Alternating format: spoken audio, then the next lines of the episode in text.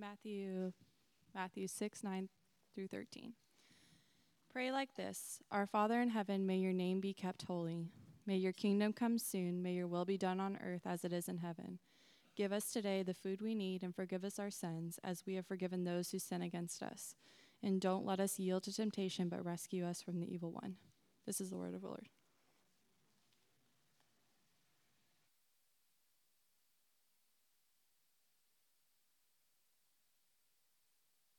Everybody, there you go.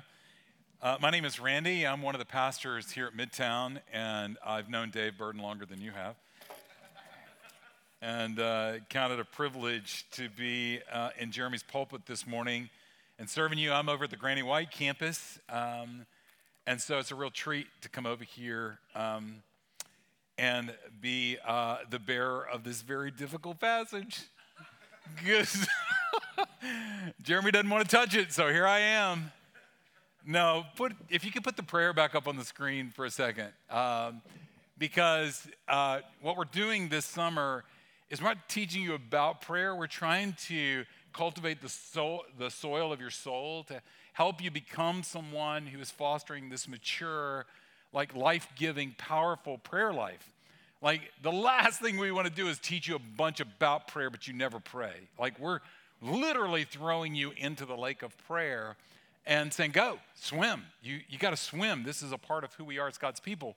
And so this summer, that's what we're trying to do. And um, the Lord's Prayer, like we started with Our Father, it's so comforting. It's like great, good. And then, you know, you're holy. And, and we've talked about how then He makes us holy and we become part of the holy. And then, you know, your kingdom comes still you know, that's, that's really kind and we want your kingdom to come. I know it's kind of hard. Your will be done. Eh, gets a little dicey there because I'm not so sure about your will if it's not my will. Uh, give us this day our daily bread. I love that part. And this part right here is like just a punch in the face. Seriously. And forgive us our debts. Get this, as we forgive our debtors. Let me translate that for you. Hey, Jesus, I want you to forgive me in the exact way that I forgive other people. Oh, no. I mean, seriously, I want you to forgive me.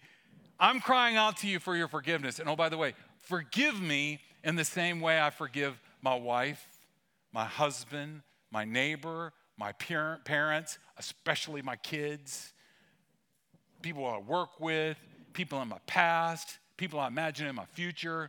In the same way I forgive them, you forgive me. Well, unless you live under a rock, uh, you know how hard forgiveness is. Because if you do your life with anybody, trust me, at some point you're going to have to forgive them or ask for their forgiveness. Third grade, Martin Park Elementary School. My best friend was Jeffrey Jones. I mean, we literally were inseparable. And because we were inseparable, he knew my plan. I was in love with the most magical third grader at our entire school, maybe the world, KK Wilson. And he knew that we had plotted it. Here was the plan, Jeffrey, is that I'm, I'm going to create a Valentine. And on February the 14th, I'm going to give her a Valentine, asking her to be my Valentine with one of those little heart shaped sweets in it. And in it, I was going to ask her to go steady with me. I was nervous. Like, he was like, go for it, go for it. It's so exciting. And we walked to school back then. It's because it was four cars. And so I get to school, and what do I find out? Jeffrey got to school before me, my best friend, and he gave KK a Valentine's. And in it, I'm not kidding you, he asked her to go steady with him.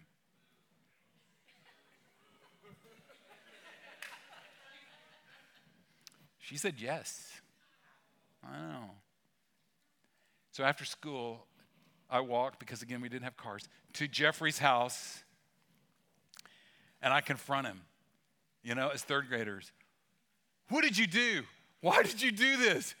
He hit me with a bow, like in a bow and arrow. Like he hit me with a bow, and I went home. I walked four blocks to my house swearing I will never talk to Jeffrey Jones ever again even in third grade, I was struggling with this whole thing of how do you forgive somebody who has hurt you so deeply. And here's what's crazy about hurt. And now I'm talking to you as a church, okay? It doesn't take much. I'm telling you. It doesn't take the betrayal of your best friend to steal KK Wilson away from you to be hurt. It could be as simple as you walked in today and somebody didn't say hi to you. It could be as simple as someone didn't notice that you got a new haircut. It could be as simple as you called somebody in this room last night and they never called you back. Hurt is hurt that's hurt. And hurt doesn't have categories and degrees sometimes, it's just hurt. And if you want to be a real community, like if you want to be an authentic, vulnerable, loving, caring community, if you want to be that, if that's the kind of church you want to build here in the middle of Crieve Hall, the kind of community that not only experiences life, but also gives life. The kind of community that really wants to be seen and you really want to see. If you want to be that kind of community, you're going to have to learn how to forgive. You agree? You don't. I get it. Do y'all talk back here? Y'all don't talk back here? Okay, let me change my sermon. All right, they do not talk back. Okay, so here it is. Uh, if you came just to hear a sermon and save neutral, then don't participate in what we're about to do. But if you're ready to be the church instead of going to church, let me invite you into a process and you have to trust me. Would you close your eyes just for a moment? And I want, to, I want you to think about somebody that you need to forgive. It could be somebody from a long time ago to somebody that just offended you this morning on your way to church. It could be somebody that you hardly know or somebody you live with and see every day. Who do you struggle to forgive right now? Who do you not want to forgive right now? So, keeping your eyes closed, let me kind of guide you through some questions that might help you identify that person or people. You may not be forgiving towards someone if you use what the person said or did as a topic of constant conversation. You may not have forgiven somebody if you daydream about getting revenge or some kind of justice. You may not have forgiven somebody if you preoccupied your mind day in and day out with either reliving or dwelling on the situation or the person's behavior. You may not have forgiven if you get annoyed every time somebody brings up their name or tells you a story about them. You may not have forgiven if you have a tendency to avoid that person or thinking about going to another church because they go here. You may not have forgiven because, or if you are secretly delighting to hear about that person's difficulties, or you hear about some place in their life that they've failed or they've lost, and it gives you pleasure. You may not have forgiven if you strongly believe that you've been unfairly treated and you are an absolute innocent victim. You may not be forgiving if your friends or your family are tired of hearing you talk about them. Okay, you can open your eyes. Did it hit a nerve anywhere? Okay, because if there's nobody that you have to forgive in your life, literally you have isolated yourself so much that you're not doing life with people. Because let me promise you, look around the room. Those people sitting around you that are all groomed and they smell great, many of them took showers before they came here this morning. They are as not together as you think they are. In fact, they're not as together as they want you to think they are, even though you've come to a church was a place and a gathering of messy people. And if you're going to get to know them, they're going to sin against you. Why do I know that? Because if we get to know you, you're going to sin against us. Okay. So let's start. Hang on to that person uh, let's go. I love the first part of this prayer forgive me, forgive us.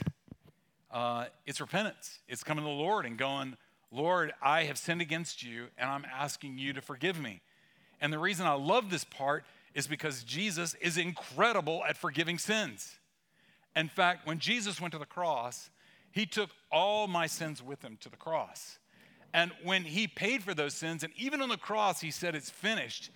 And he went to the grave and he rose from the grave. It says that he, when he rose from the grave, we, his church, people that have been forgiven, rose with him to newness of life. And what is this newness of life that we've been raised to? Forgiven. That's our life. We are completely forgiven. He's thrown your sins as far as the east is from the west. And for the longest time, I didn't understand why wasn't it north to south? Well, if you go north, you can get to the limit of north before you're going south. But if you go east, you can go east forever and never hit west. So he's thrown our sins from the east to the west and says he remembers them no more. In fact, I want to just tell you when God forgives you, he does not hold that sin against you anymore. In fact, when you are forgiven, God promises, I will never, ever, ever deal with you in wrath. I will always deal with you in love, right? Nobody wants to say amen to that? You can try that. There you go. Because here's the crazy thing Jesus, when he died on the cross, he forgave me for all my past sins, he forgave me for all my present sins. Oh, blow my mind. He forgave me for all my future sins. Because all my sins were future when he was on the cross. I am forgiven. I cannot out sin God's grace. I am in Jesus. There is nothing I can do to move me from forgiven to unforgiven. I am clean. In fact, in 2 Peter chapter 1, you should go read this chapter when you have time. It's like one of my faves. Like it is so good. And at the end of this long list of what it's like to follow Jesus, he says this many of you have become ineffective and unproductive in this journey of following Jesus by faith for one reason. And the one reason is you have forgotten that you've been forgiven for all your sins. In fact, remembering that I am, for, that I am forgiven for all my sins, all my sins is so radical that when I forget that, it interrupts everything else in my journey of following Christ. In fact, if we, the church, would believe how amazing, complete, and radical this forgiveness is that God has for us, if people walked in here, they would say, wow, they're kind of abusing that forgiveness thing. That's how crazy it is. See, because if I understand how much I'm forgiven, guess what begins to happen in my life? I begin to own my sin. I begin to confess my sin. I begin to put my sin down. And I actually begin to not let that sin in my past have power over me anymore. That's Okay, now we're in counseling.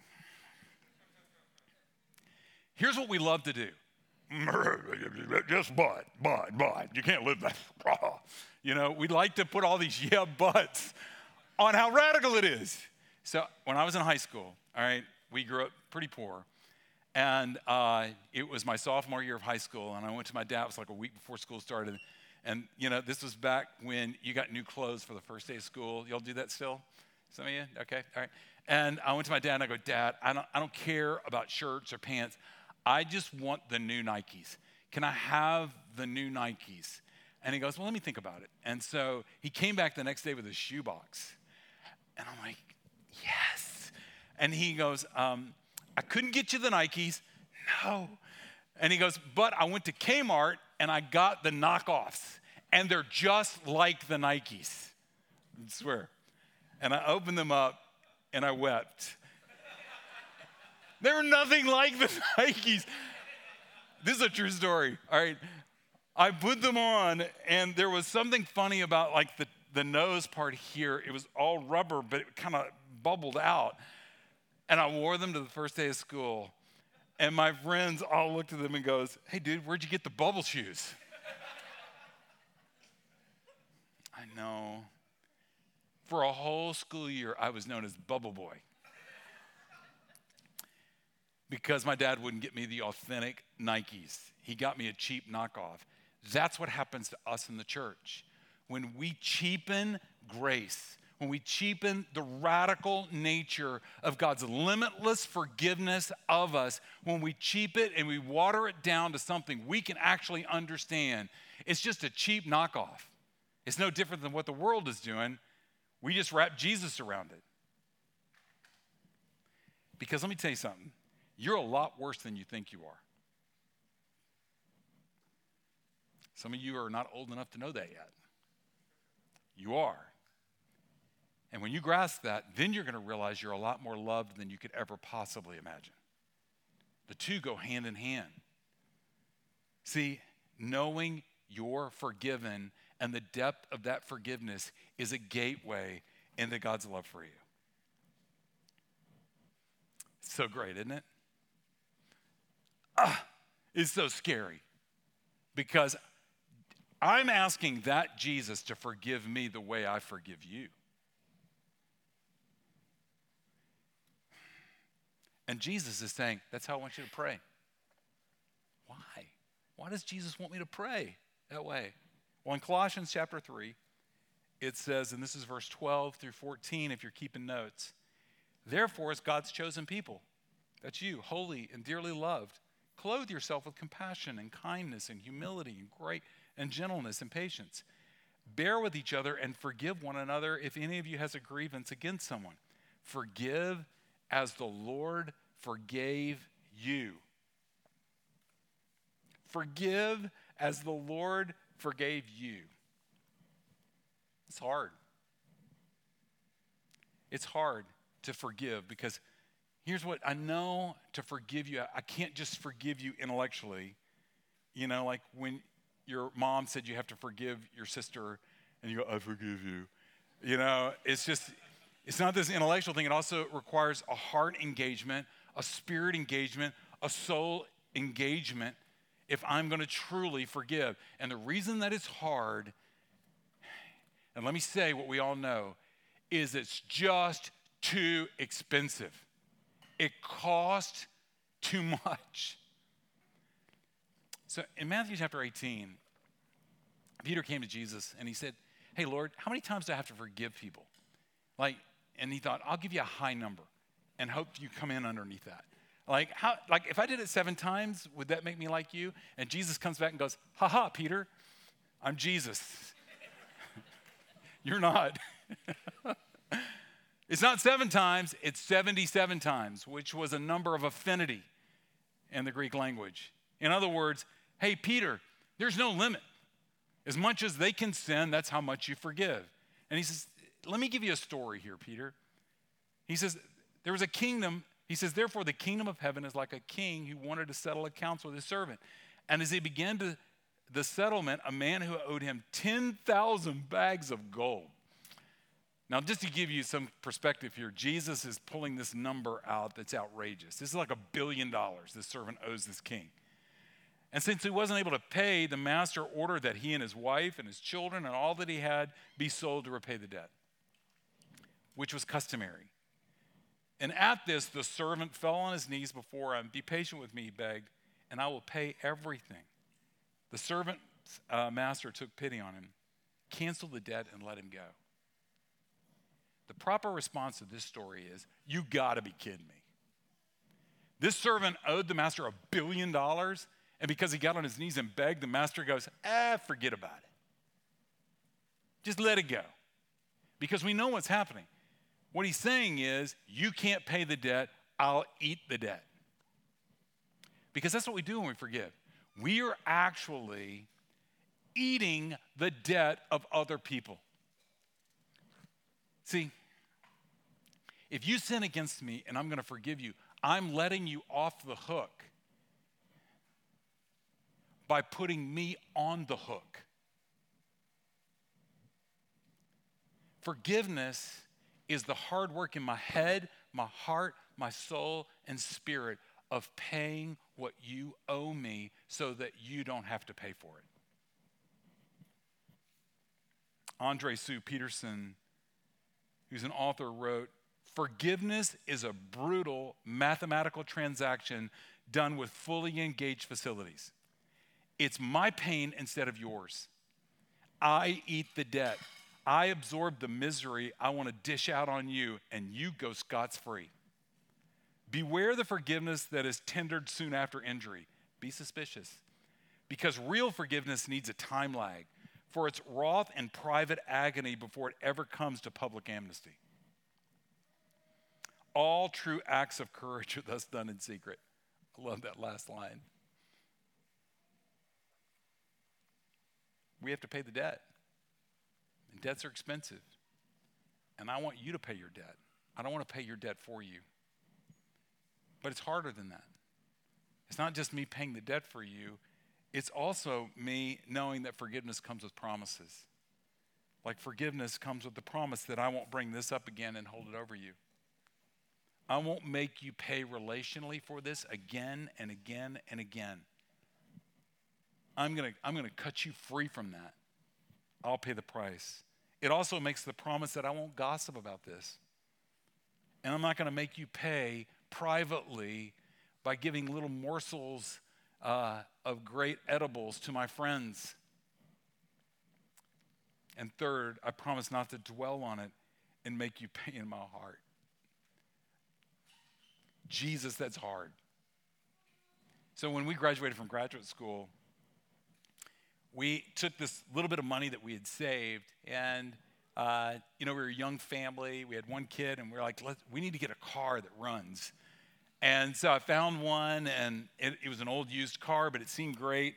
And I uh, said to the guy, I said, hey, um, I, I, think I like your car, but I want to take it to a mechanic. And he goes, Hey, man, here's the name of my mechanic. He's worked on this car since I've had it since it was new. He'd be a great person to talk to. So I said, Great, thanks. And I took it to his mechanic, and or he took it to his mechanic. Came back, the mechanic gave it a clean bill of health. I get in the car, give him the money, get in the car to drive it back to school. And on the way back to school, it broke down, overheated. So I call the guy when I get home and I go, hey man, uh, the car you sold me uh, broke down on the way to the house. Do you know of any problems? He started to laugh. This is what came out of his mouth Buyer beware. He said, That broken engine is now yours. Good luck with it. So I called up the armies of God and we went over there and it's a bad example of forgiveness, all right? We made him pay, we threw eggs at his house.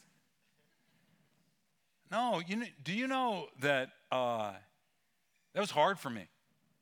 Because I was literally now having to pay what he was doing against me out of my pocket by not having a car for me and my family. I was suffering every day because of the consequence of his sin against me. And for me to forgive him, for me to do the hard work of let him loose and actually me paying for his sin against me was one of the hardest things I ever did. Because here's what I learned in forgiveness it's not just I'm going to pay the debt, and it's not just um, I'm going to make promises, it's also a process. It's a one time thing, but it's also a process. You know, when we forgive somebody, it is an event when we say, I forgive you. But that's not the end of the matter. Every time I remember the offense, I must continue to forgive. I forgive you and I will continue to forgive you. I will not act out my single desire for revenge. We forgive and we keep striving to forgive. And that may take a long time for us to say, I've paid the debt. That's hard. But that's what Colossians is calling us to. It's what we're praying. So let's go back to the story of the servant who was forgiven a billion dollars. The story goes that he went out in the streets and he found another servant who owed him 10 bucks. And the guy said, I don't have it, man and fell on his knees just like this guy had done with the master. And he says, uh, Please give me time and I'll work on this, I'll work it out. And he said, No. And he grabbed him and he threw him into debtor's prison. And when the king heard about this, he called this servant back into his presence. And he said, The master called the servant in. He said, You wicked servant. I canceled all the debts of yours because you begged me to. Shouldn't you have had mercy on your fellow servant just as I'd had on you? In anger, his master handed him over to the jailer to be tortured until he should pay back all that he owes. And listen to the words of Jesus. This is how your or no, this is how my heavenly Father will treat you unless you forgive your brothers and sisters from your heart. I'm going to read that again. This is the words of Jesus. This should be sobering and scary. This is how my heavenly Father will treat each of you unless you forgive your brother or your sister from your heart. Whoa. Whoa. Is Jesus saying now that the, the gate of heaven is only opened by me forgiving everybody in my life? No. Is Jesus saying is the way that I get his blessing in my life is to forgive other people? No. We know that no one gets into heaven by being great forgivers. People get into heaven because they have a Savior that opens the door for them. What Jesus is saying is that when we, when we are brought from death to life, when Jesus comes into our lives and we are made new, which is what he does, he says, Now I dwell within you, Christ in me, the hope of glory. The Holy Spirit now makes his home inside of us. In fact, we're in a new family, and the blood of this family line is now coursing through our veins. And what is that blood? It is forgiveness.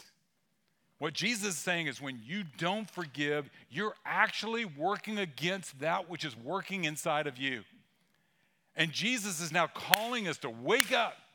Do you know who you are? Do you know what's in front of you? Do you know the capacity that you have to experience Christ flowing through you and working through you in ways that you can participate with the divine nature of God? In Ephesians 4, it says, Get rid of all bitterness, rage, and anger, brawling, and slander, along with every form of malice. Be kind and compassionate to one another. Why? Because kindness and compassion runs through our veins. And he says, Forgive each other just as in Christ God forgave you. That is who we are. Jesus is calling us to our truest nature, to what he has made us to be, and what he's maturing us into. And when I say I'm not going to forgive that person, I am working against the very thing the Holy Spirit is working inside of me. And when that happens, we suffer. Like, there's a show, I don't know if you've ever heard it, where uh, they, they document women that go to the hospital thinking that they're dying only to find that they're pregnant and they didn't know it. Have you seen this? I was pregnant and I didn't know it. And no, you haven't seen this? This is what happens when you have an empty house with no children in it. You watch mindless television. When the Holy Spirit is working inside of me, and the Holy Spirit is saying, turn around and deal with this forgiveness, it feels like birth pangs, but I think I'm dying. But the Holy Spirit is really trying to birth me in to the divine nature of God that's coursing through my veins. And that's why when I'm fighting against God, sometimes it's so painful because it's not who I'm made to be. I am made to be like Christ. That's where He's taking me. And when I see it, I know it. And when I smell it, it's familiar. So, back in 2018, maybe you heard the story. Amber Guyger eh, was a police officer, and she had gotten off her shift, and she went home to the apartment that she lived in by herself. She inadvertently walked into the wrong apartment she walked into Botham Jean's apartment. And when she walked in thinking it was her apartment and he came out of his room, she thought he was an intruder and she shot and killed him. Do you remember this story? It went to trial.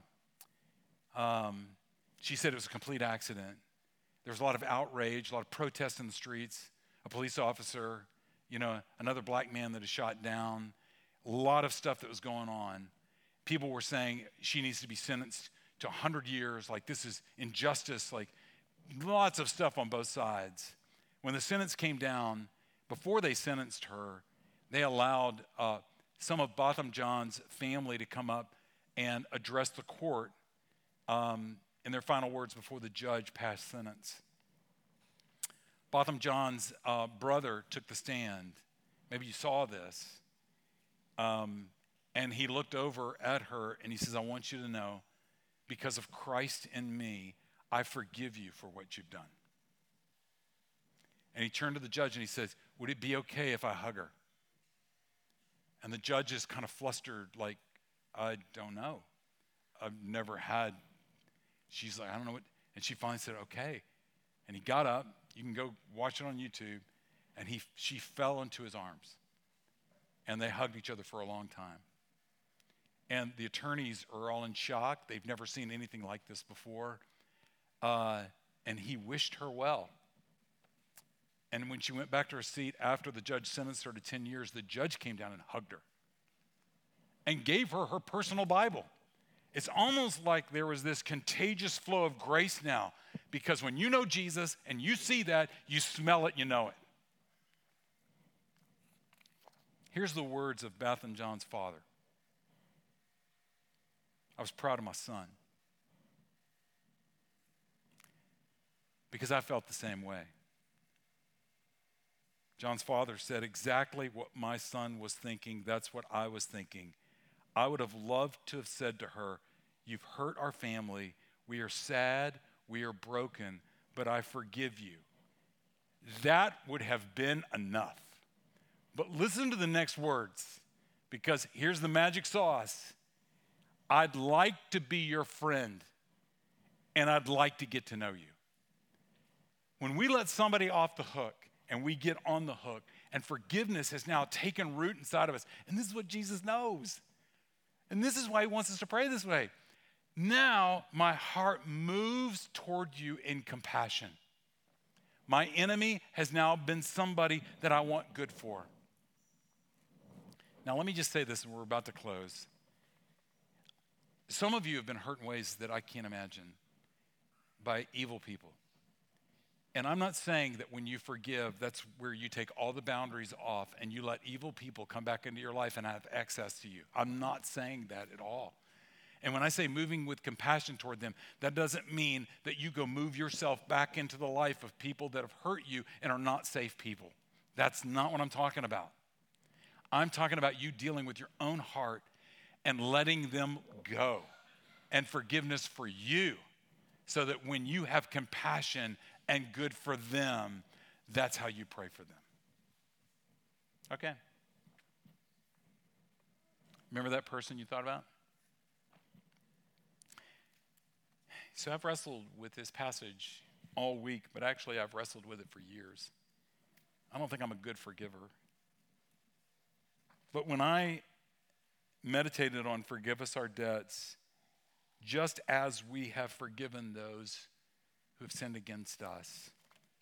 I think I can translate this whole prayer into one word. And it's the hardest prayer, it's the most difficult to remember, but maybe the only one that's effective. And that is help. Help. I can't do it, Jesus. You can. Now come on me and lead me in your way. So I'm about to pray. And I'm just going to ask you would you be willing to take a step today and in your heart, maybe just in your head, that you take the first step, which is a process of forgiving that person? Father, it's just like you that you would give us a prayer that appears to be about uh, other people when in reality it's just you coming after us. Jesus, I can't tell you how unbelievable your forgiveness is that I want it to be so believable. And what you're calling us into is really hard. Help. Help. I can't imagine with all the people in this room what they need to forgive others for. Help them. And in helping them, Lord, would they see who they are? And they would see, Lord, the power the hope and the riches that is theirs in Christ Jesus. And that today, Father, today, the weight of unforgiveness would be dropped. And the freedom that comes from letting go those debts would be theirs today. In Christ's name.